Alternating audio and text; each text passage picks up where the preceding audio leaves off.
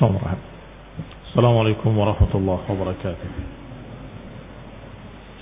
إن الحمد لله نهده ونستعينه ونستغفره ونعوذ بالله من شرور أنفسنا ومن سيئات أعمالنا من يهده الله فلا مضل له ومن يضلل فلا هادي له وأشهد أن لا إله إلا الله وحده لا شريك له وأشهد أن محمدا عبده ورسوله صلى الله عليه وعلى آله وأصحابه والتابعين وتابع التابعين ومن تبعهم بإحسان إلى يوم الدين يا أيها الذين آمنوا اتقوا الله حق تقاته ولا تموتن إلا وأنتم مسلمون.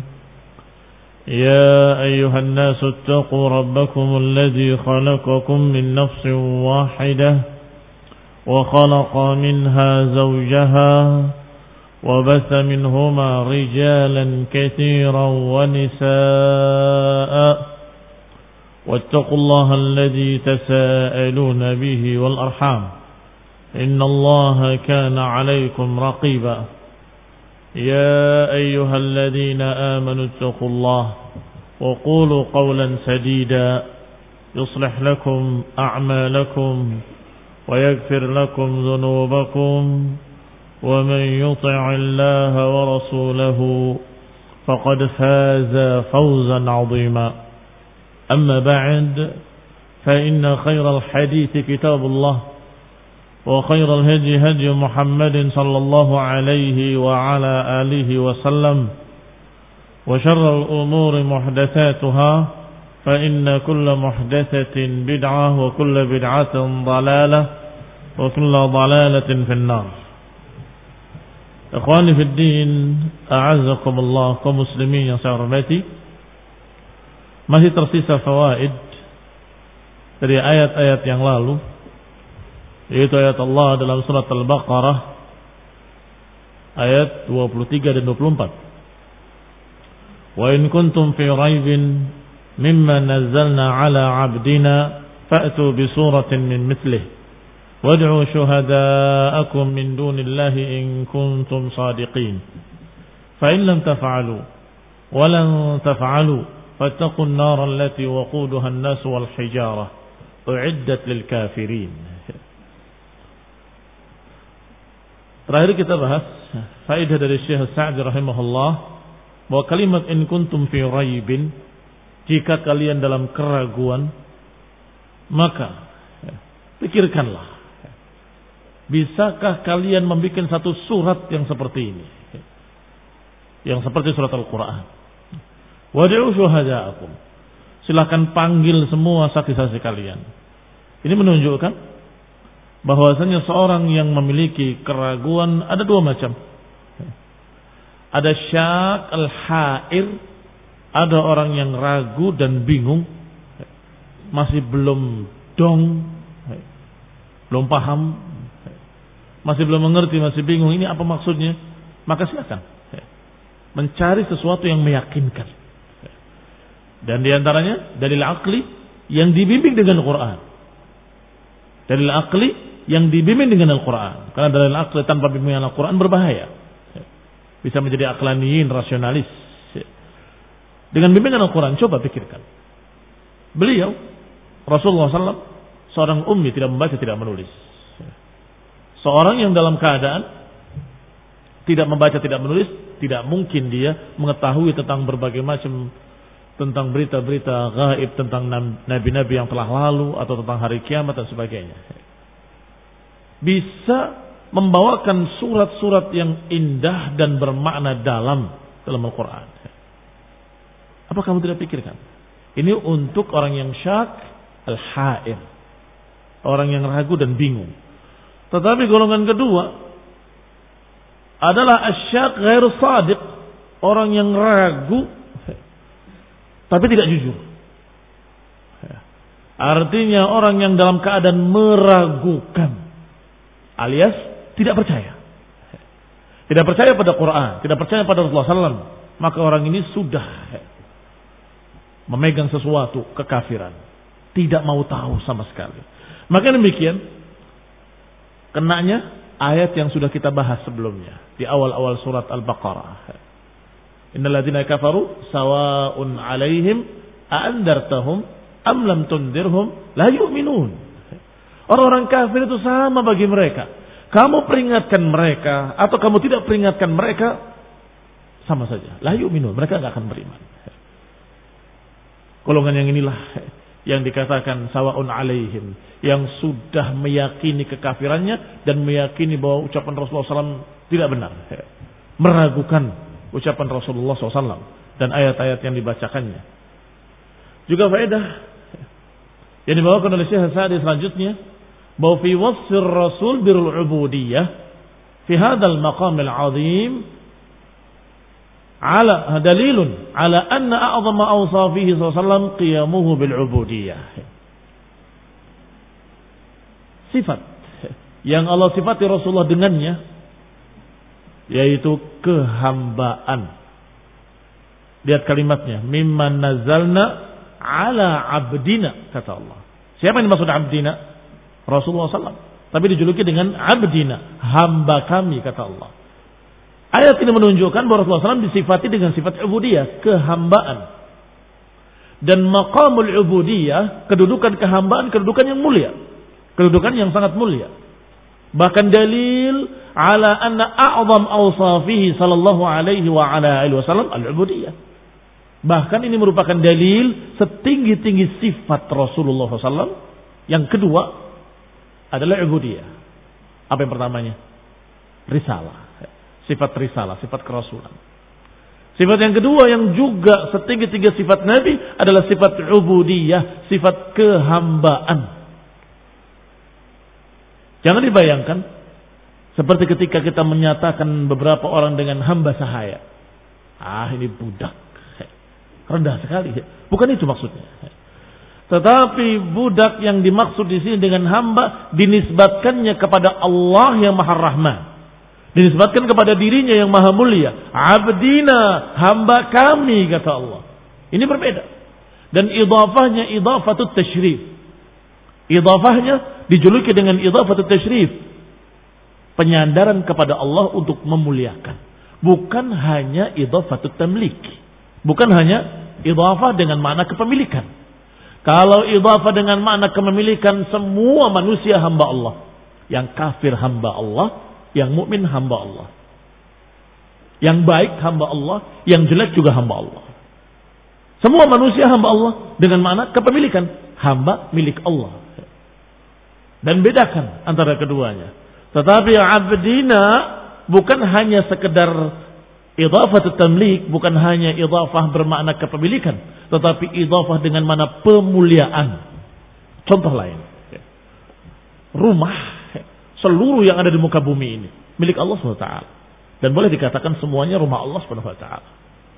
Tetapi ketika dikatakan baitullah hanya masjid. Kenapa demikian? Karena masjid memiliki keistimewaan tersendiri. Dimuliakan, dikhususkan untuk ibadah kepada Allah Subhanahu wa taala, maka dikatakan rumah Allah. Dan lebih khusus lagi, Baitullahil Haram. Hanya Ka'bah. Tidak semua masjid. Baitullahil Haram hanya Ka'bah. Maka barakallahu fikum, ini namanya idhafah yang menyatakan kemuliaan disandarkan kepada Allah Subhanahu wa taala. Dalil berikutnya atau dalil lainnya. Ketika Allah Subhanahu wa taala menyebutkan dalam akhir surat Al-Furqan wa ibadur rahmanil ladzina yamshuna 'alal ardi hauna. Ibadur rahman alladzina yamshuna 'alal ardi hauna. Wa idza khatabahumul jahilun qalu salama. Hamba-hamba Allah yang Maha Rahman adalah yang berjalan di muka bumi dengan tidak sombong. Yang memiliki sifat Demikian demikian demikian disebutkan sifat-sifatnya kemuliaan semua. Ibadur Rahman.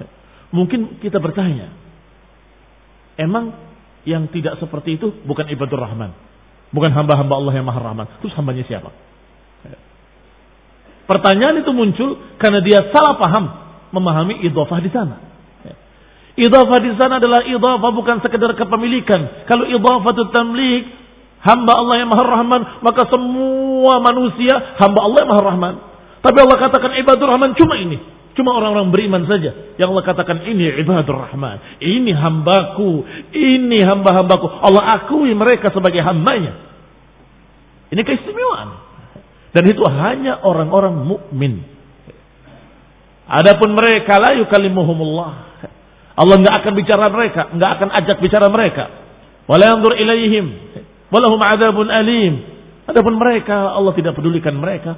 Allah nggak ajak bicara mereka yaumul qiyamah. Allah tidak akan menengok mereka. Demikian pula kalimat abdina Nazalna ala abdina kami turunkan kepada hamba kami Allah Subhanahu wa taala menjadikan Rasulullah SAW adalah sebaik-baik hambanya, kekasihnya, khalilnya. Allati la yalhaquhu fiha ahadun minal awwalin wal akhirin. Kehambaan yang tertinggi adalah pada Rasulullah SAW. Tidak ada yang memiliki kehambaan seperti itu minal awwalin wal akhirin. Orang-orang yang terdahulu maupun orang-orang yang akan datang nggak ada yang memiliki kehambaan yang setinggi kehambaan Rasulullah SAW. Allah katakan abdina nazalna ala abdina. Allah katakan pula dalam ayat lain, huwallazi asra bi 'abdihi. Dialah Allah yang mengisrakan hambanya. Falamma qama 'abdullah. Berapa kali Allah sebutkan sebagai hamba Allah, hamba Allah, hamba Allah. Yang berikutnya, kama wasafa bil ubudiyyah fi maqamil isra subhanalladzi asra bi 'abdihi dan juga fi maqamil inzal. Allah sebutkan kalimat hamba Allah untuk beliau dalam berita tentang menurunkan Al-Quran. Tabarakalladzi nazzala al-furqana ala 'abdihi liyakuna lil 'alamin nadhira. Dialah Allah yang maha suci yang menurunkan Furqan ala 'abdihi atas hambanya agar menjadi memberi peringatan untuk seluruh alam. Alam adalah selain Allah Subhanahu wa taala, disebut alam. Pada berikutnya kalimat uiddat lil kafirin. Pandangan ulama jauh ketika menyatakan dipersiapkan untuk orang kafir, mereka memahami berarti ini bantahan bagi Khawarij dan Mu'tazilah. Dari mana? Barangkali kalau kita membacanya sepintas hanya menyatakan dipersiapkan untuk orang-orang kafir. Selesai. Ternyata dalam ayat ini mengandung bantahan. Qala berkata Syekh Rahman Syahid rahimahullah Hadhihi al-ayah wa nahwiha min al-ayat dalilun li madhhabi ahli sunnati wal jamaah. Ini dalil tentang madhab ahli sunnah wal jamaah bahwa surga dan neraka makhlukatan khilafan lil mu'tazilah. Pertama bantahan untuk mu'tazilah dari satu sisi dan bantahan untuk khawarij dari sisi lain. Kita lihat bantahan bagi mu'tazilah dari sisi mana? Bahwa al-jannah wan nar sudah diciptakan. Karena disebutkan oleh Allah uiddat telah dipersiapkan. Uiddat lil kafirin telah dipersiapkan untuk orang-orang kafir. Demikian pula surga dalam ayat lain disebutkan dengan uiddat dipersiapkan lil muttaqin untuk orang-orang yang takwa. Wasari'u ila maghfiratin min rabbikum wa jannatin 'arduha as-samawati wal ard. Apa akhir ayatnya? Uiddat lil muttaqin dipersiapkan untuk orang-orang yang takwa. Neraka Allah katakan uiddat lil kafirin, dipersiapkan untuk orang-orang kafir. Fahada khilafan lil Mu'tazilah dan ini bantahan bagi Mu'tazilah yang menyatakan surga dan neraka belum diciptakan. Kata akal mereka yang bodoh, kalau surga dan neraka diciptakan, untuk apa sekarang? Nganggur. Gak ada manfaatnya, mubazir katanya. Gak mungkin Allah menciptakan sia-sia. Ciptakan surga, ciptakan neraka, tapi belum ada isinya. Karena isinya nanti setelah hari kiamat, setelah hisab, setelah kebangkitan. Berarti mubazir, anggur. Ini otak yang bodoh. Allah persiapkan dan Allah tunjukkan. Bahkan Rasulullah SAW menyatakan angin yang sangat panas Angin samum dikatakan itu min fayhi jahannam. Dari uap neraka jahannam. Agar kalian tahu. Yang panas yang paling panas di dunia. Yang kamu letakkan daging di padang pasir itu matang dia. Masak dia. Itu baru uap yang jauhnya sekian jauhnya. Bagaimana nerakanya? Karena bila Takhwif. Siapa bilang sia-sia? Siapa bilang tabzir? Wallahi dia jahil. Tapi dia profesor. Ya profesor jahil berarti. Kenapa? Dia tidak berpikir bahwa itu adalah takhwifan. Takhwifan sebagai perkara yang menakut-nakuti. Allah persiapkan dan Allah tunjukkan tanda-tandanya. Sebagaimana dikatakan tadi, min faihi jahannam. Apalagi Rasulullah SAW diperlihatkan oleh Allah Subhanahu Wa Taala surga dan neraka. Bahkan ketika sholat, Rasulullah SAW maju, kemudian tiba-tiba mundur. Setelah selesai, para sahabat bertanya, ya Rasulullah, aku melihat engkau tadi maju berapa langkah, kemudian mundur berapa langkah. Diperlihatkan kepadaku surga. Sangat indahnya sehingga aku maju ke depan. Tapi ketika diperlihatkan neraka kepada aku, aku sangat takutnya. Dan aku mundur belakang. Ini juga bentuk dalil bahwa surga dan neraka sudah ada. Sudah diciptakan. Bahkan ketika para sahabat mendengar suara.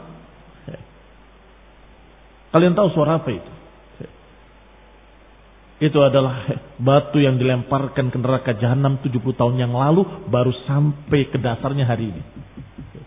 Ini takhwif. Ada hikmah yang sangat besar Siapa bilang mubazir? Siapa bilang sia-sia? Tidak sia-sia. Maka kata beliau kata Syekh Sa'd rahimahullah, "Hada dalil ala anna al-jannata wan nar makhluqatan." Bahwa surga dan neraka sudah diciptakan. Wa da khilafan lil Mu'tazilah dan ini menyelisihi membantah akidah sesat Mu'tazilah. Wa fiha aidan dan juga ini bantahan bagi mereka-mereka kaum khawarij. Wa fiha ayatan al muwahhidin. Wa in irtakabu ba'd al kaba'ir la yakhluduna fin nar bahwasanya akidah Ahlussunnah wal Jamaah menyatakan ahli tauhid bagaimanapun dia berdosa dengan maksiat-maksiat maka dia mesti akan diselamatkan dari api neraka Lianahu qala uiddat lil kafirin karena Allah katakan dipersiapkan untuk orang kafir. Falau kana usatal muwahhidin yakhluduna fiha, kalau saja orang bermaksiat kemudian kekal di dalamnya, maka niscaya tidak akan dikatakan uiddat lil kafirin, akan dikatakan uiddat lil kafirin wal usat wal asin, kan begitu. Niscaya akan dikatakan dipersiapkan untuk orang kafir dan untuk orang-orang yang bermaksiat. Tidak. Allah katakan dengan kalimat Uiddat lil kafirin. Kenapa? Karena mereka orang-orang yang bermaksiat kalaupun masuk neraka nggak akan selama-lamanya di sana. Berarti bukan tempat tinggal mereka di sana. Bukan untuk selama-lamanya di sana. Khilafan lil khawarij wal mu'tazilah dan ini bantahan bagi khawarij dan mu'tazilah. Bantahan bagi khawarij dan mu'tazilah. Khawarij meyakini orang berbuat dosa kekal dalam neraka. Dan mereka menganggapnya kafir. Padahal mereka tidak kafir. Adapun neraka dipersiapkan untuk orang-orang kafir. Tapi kepada Mu'tazilah juga bantahan. Kata Mu'tazilah, ya memang tidak kafir, tapi kekal dalam neraka. Tidak kafir, tapi kekal dalam neraka. Maka kita jawab dengan ayat ini. Neraka itu uiddat lil kafirin. Kalau kau mengatakan kekal dalam neraka, tapi bukan kafir, bertentangan dengan ayat ini. Allah persiapkan neraka untuk orang-orang kafir. Adapun muwahhidin orang yang masih memiliki tauhid. Kalaupun mereka diadab tidak kekal di dalamnya.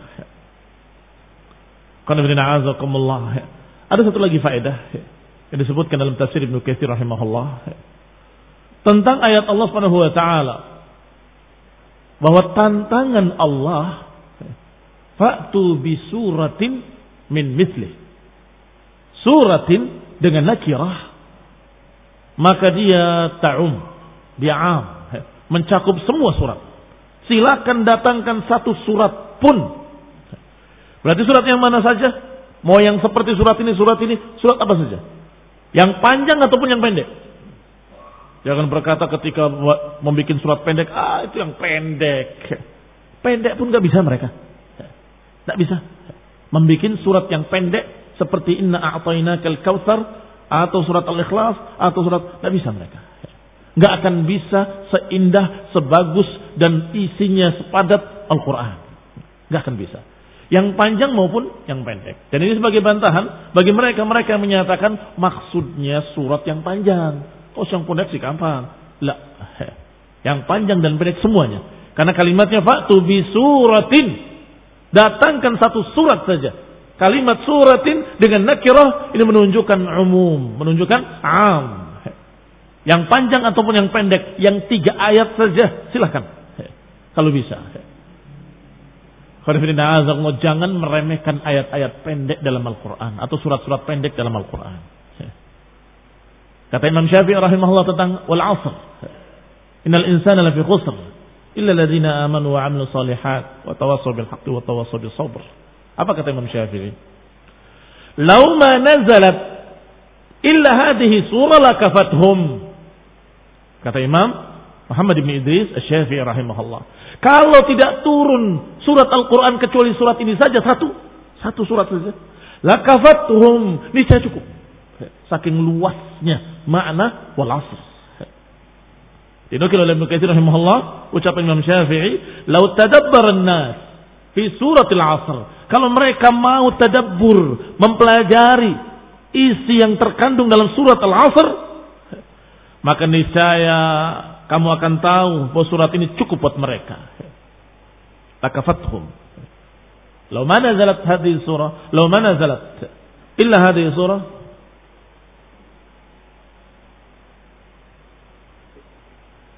Lau mana zalat illa hadhihi surah. Kalau tidak turun kecuali surat ini.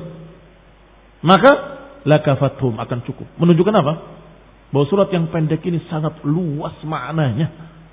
Sangat luas maknanya. Cukup kalau tidak surat, turun surat-surat Al-Quran kecuali satu surat ini saja. Untuk pegangan hidup cukup. Demikian pula ketika turun surat Al-Asr. Amr ibn al-As ketika masih belum masuk Islam, pernah dia diutus oleh kaumnya untuk ke Musailamah al-Kadzab. Musailamah al-Kadzab yang mengaku Rasul. Sampai di sana ditanya oleh Musailamah, apa yang diturunkan pada sahibukum di Mekah? Surat apa yang baru diturunkan kepada teman kalian itu di Mekah? Dijawab, oleh bin Al-As suratun wajizatun balighah telah turun kepadanya surat yang simpel tapi padat tapi tinggi maknanya. Sangat mengagumkan. Apa itu? Kata Musalamah al-asr.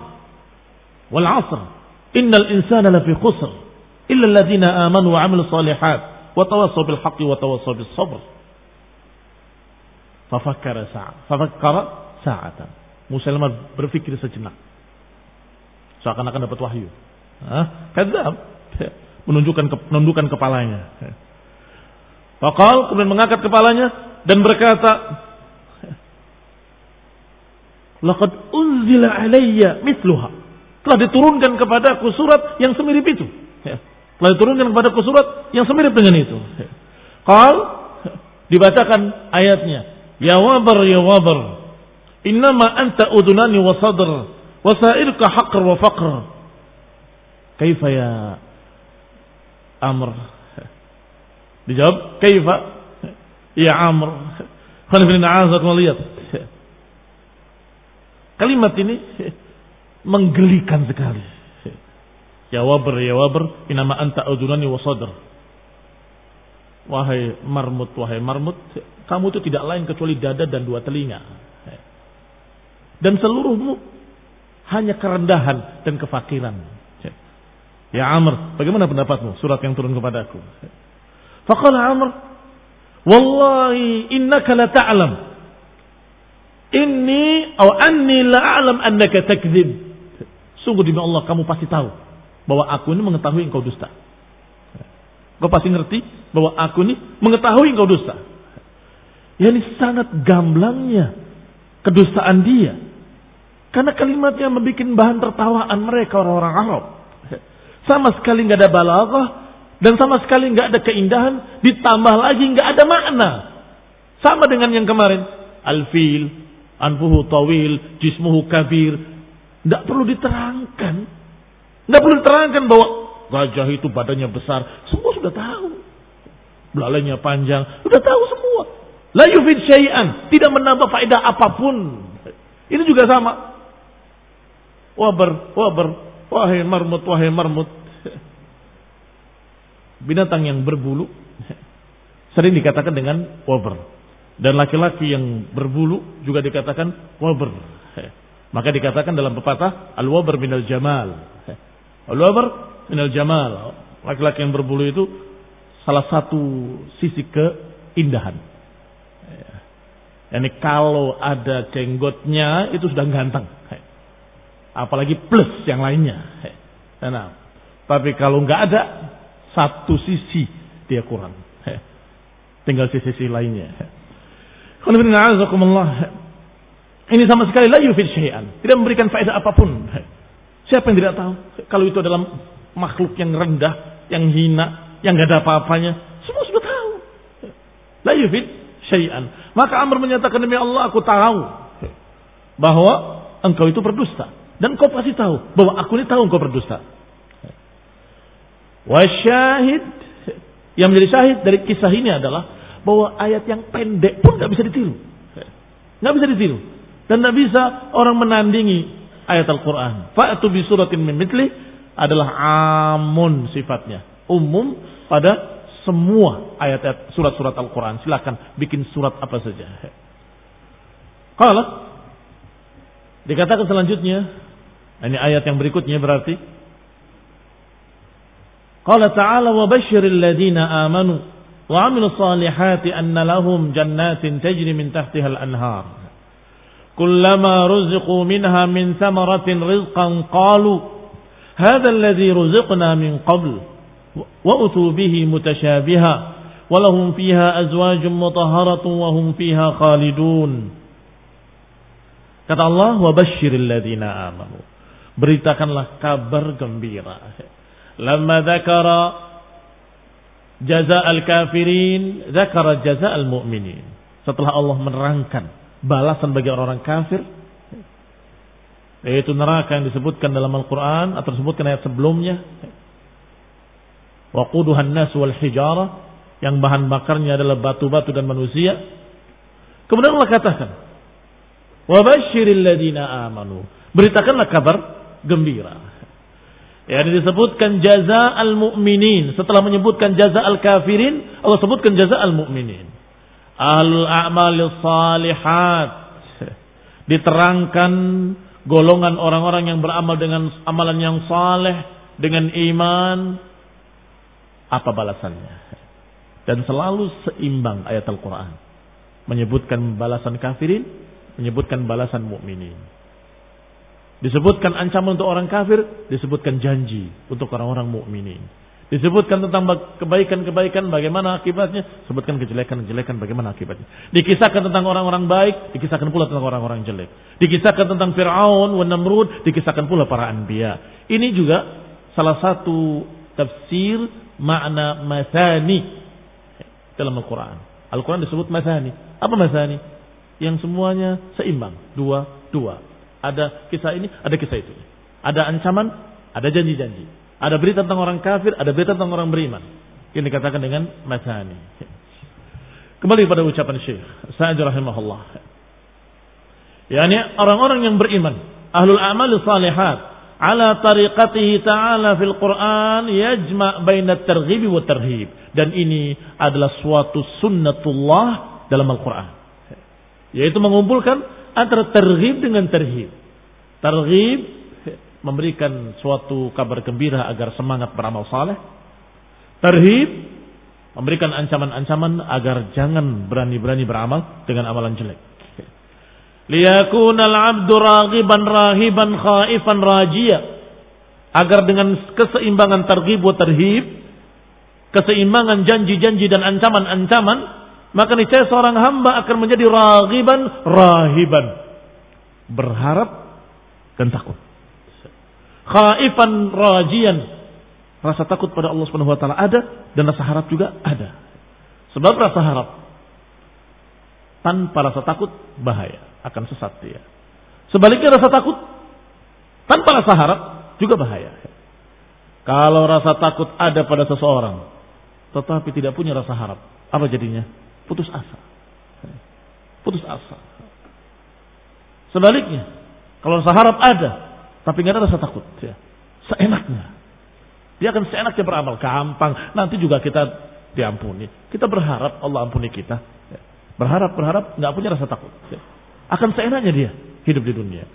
Maka dengan keseimbangan at-targhib wa tarhib dalam Al-Quran, maka seorang hamba dengan bimbingan Al-Quran menjadi ragiban, rahiban, khaifan, rajian.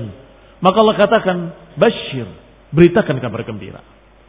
Ay, ya ayyuhar rasul wa man qama maqamahu, wahai para rasul, dan yang menduduki kedudukan rasul, manhum, yang yakumu maqamar rasul, para ulama. Al-ulama warasatul anbiya, pewaris para nabi. Maka mereka juga diperintahkan, basyir. Beritakan kabar gembira. Kepada alladzina amanu, kepada orang yang beriman dengan qulubihim, dengan hati mereka. Wa amilu salihat, yang beramal dengan amalan saleh, bijawarihihim, dengan anggota badan mereka. Fasadaqu imanuhum bi'amalihim salihah maka mereka membenarkan keimanannya dengan pengamalan-pengamalan ibadah atau dengan amalan-amalan saleh. Wa wasafat a'mal al-khair salihat. Wa wasifat amal al-khair. Dan amalan-amalan baik disifati oleh Allah dengan salihat. Lianna biha tasluh ahwal al-'abd. Karena dengan amalan itu seorang hamba akan jadi baik. Apa maknanya saleh?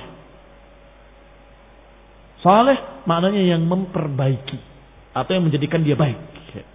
Kenapa amalan saleh amalan yang baik dikatakan saleh? Karena amalan itu akan menjadikan seorang hamba menjadi baik. Baik di dunia dan baik di akhirat. Lianna biha tasluh ahwal al-abd. Karena dengannya keadaan seorang hamba akan jadi baik. Wa umuru dinihi wa dunyahu urusan agamanya, urusan dunianya akan jadi baik. Wa hayatuhu dunyawiyah wal ukhrawiyah, kehidupan dunianya, kehidupan akhiratnya akan jadi baik. Wa yazulu biha inda anhu fasad al ahwal dan sebaliknya akan hilang dari dirinya segala macam kerusakan-kerusakan keadaan atau keadaan-keadaan yang rusak akan hilang. Fayakunu bidzalika minas salihin. Maka akhirnya orang itu akan menjadi orang yang saleh maka amalannya disebut amalan saleh. Karena menjadikan seorang hamba jadi saleh.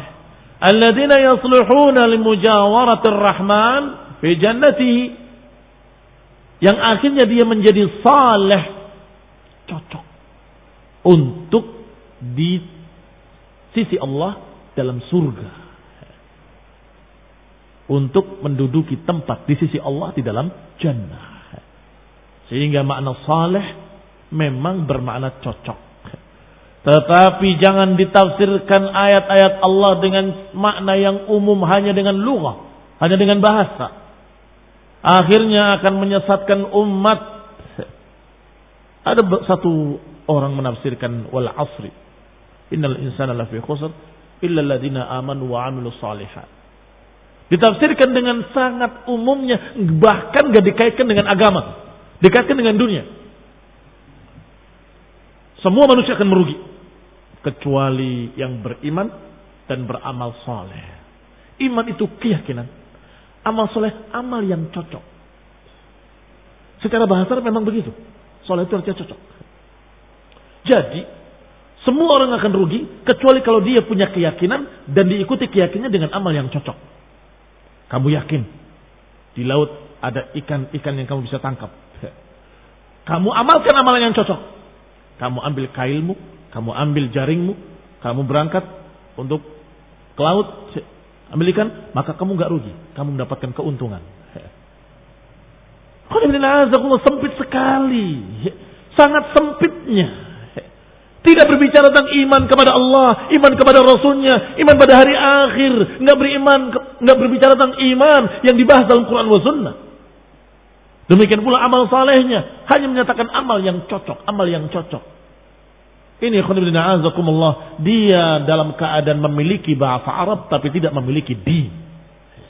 Hanya ngerti bahasa Arab tapi nggak ngerti tentang agama, akidah, usul, sunnah. Dia nggak ngerti kaum muslim yang saya hormati. Diterangkan oleh Syekh Sa'd rahimahullah. Al-alim, al-mufassir, al-faqih. Bahwasanya amal saleh adalah amal-amal yang sesuai dengan Quran dan Sunnah. Kenapa dinamakan saleh? Karena dia akan memperbaiki seorang hamba. Kalau hamba itu jadi baik, jadi saleh, maka cocok, pantas saleh li an yakuna untuk menjadi seorang di dalam jannah bijiwarillah di sisi Allah Subhanahu wa taala. Berarti amal yang cocok iya, amal yang menjadikan dia nanti cocok untuk masuk surga. Amal yang menjadikan dia pantas untuk berada di sisi Allah Subhanahu wa taala.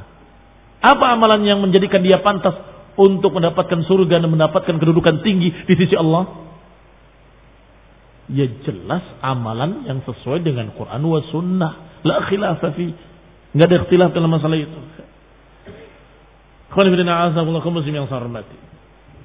Setelah itu dikatakan, Fabashirhum annalahum jannah.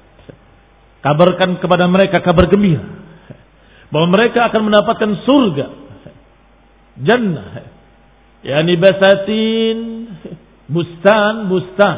Kebun-kebun minal asjaril ajibah dengan pohon-pohon yang sangat menakjubkan dengan buah-buahan yang aniqah yang mudah dipetik wadhillil mamdud dengan naungan-naungan yang menjulur panjang wal ansan wal afnan dengan ranting-ranting dengan dahan-dahan yang memiliki buah-buah yang satu ranting buahnya memiliki sekian banyak rasa yang semuanya lezat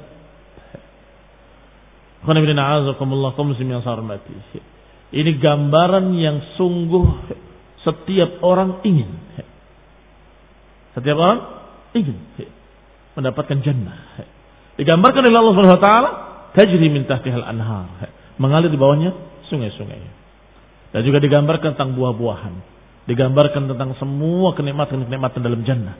Dan ini perlu diberitakan Bahkan diperintahkan oleh Allah dengan amr. Bashir. Beritakan kabar gembira. InsyaAllah kita akan bahas lebih panjang pada kajian mendatang. Bismillah ta'ala. Wassalamu taufiq wal afiyah wal hidayah. Subhanakallahum hamdik. la ilaha ilan asakuraka wa atubu Wassalamualaikum warahmatullahi wabarakatuh.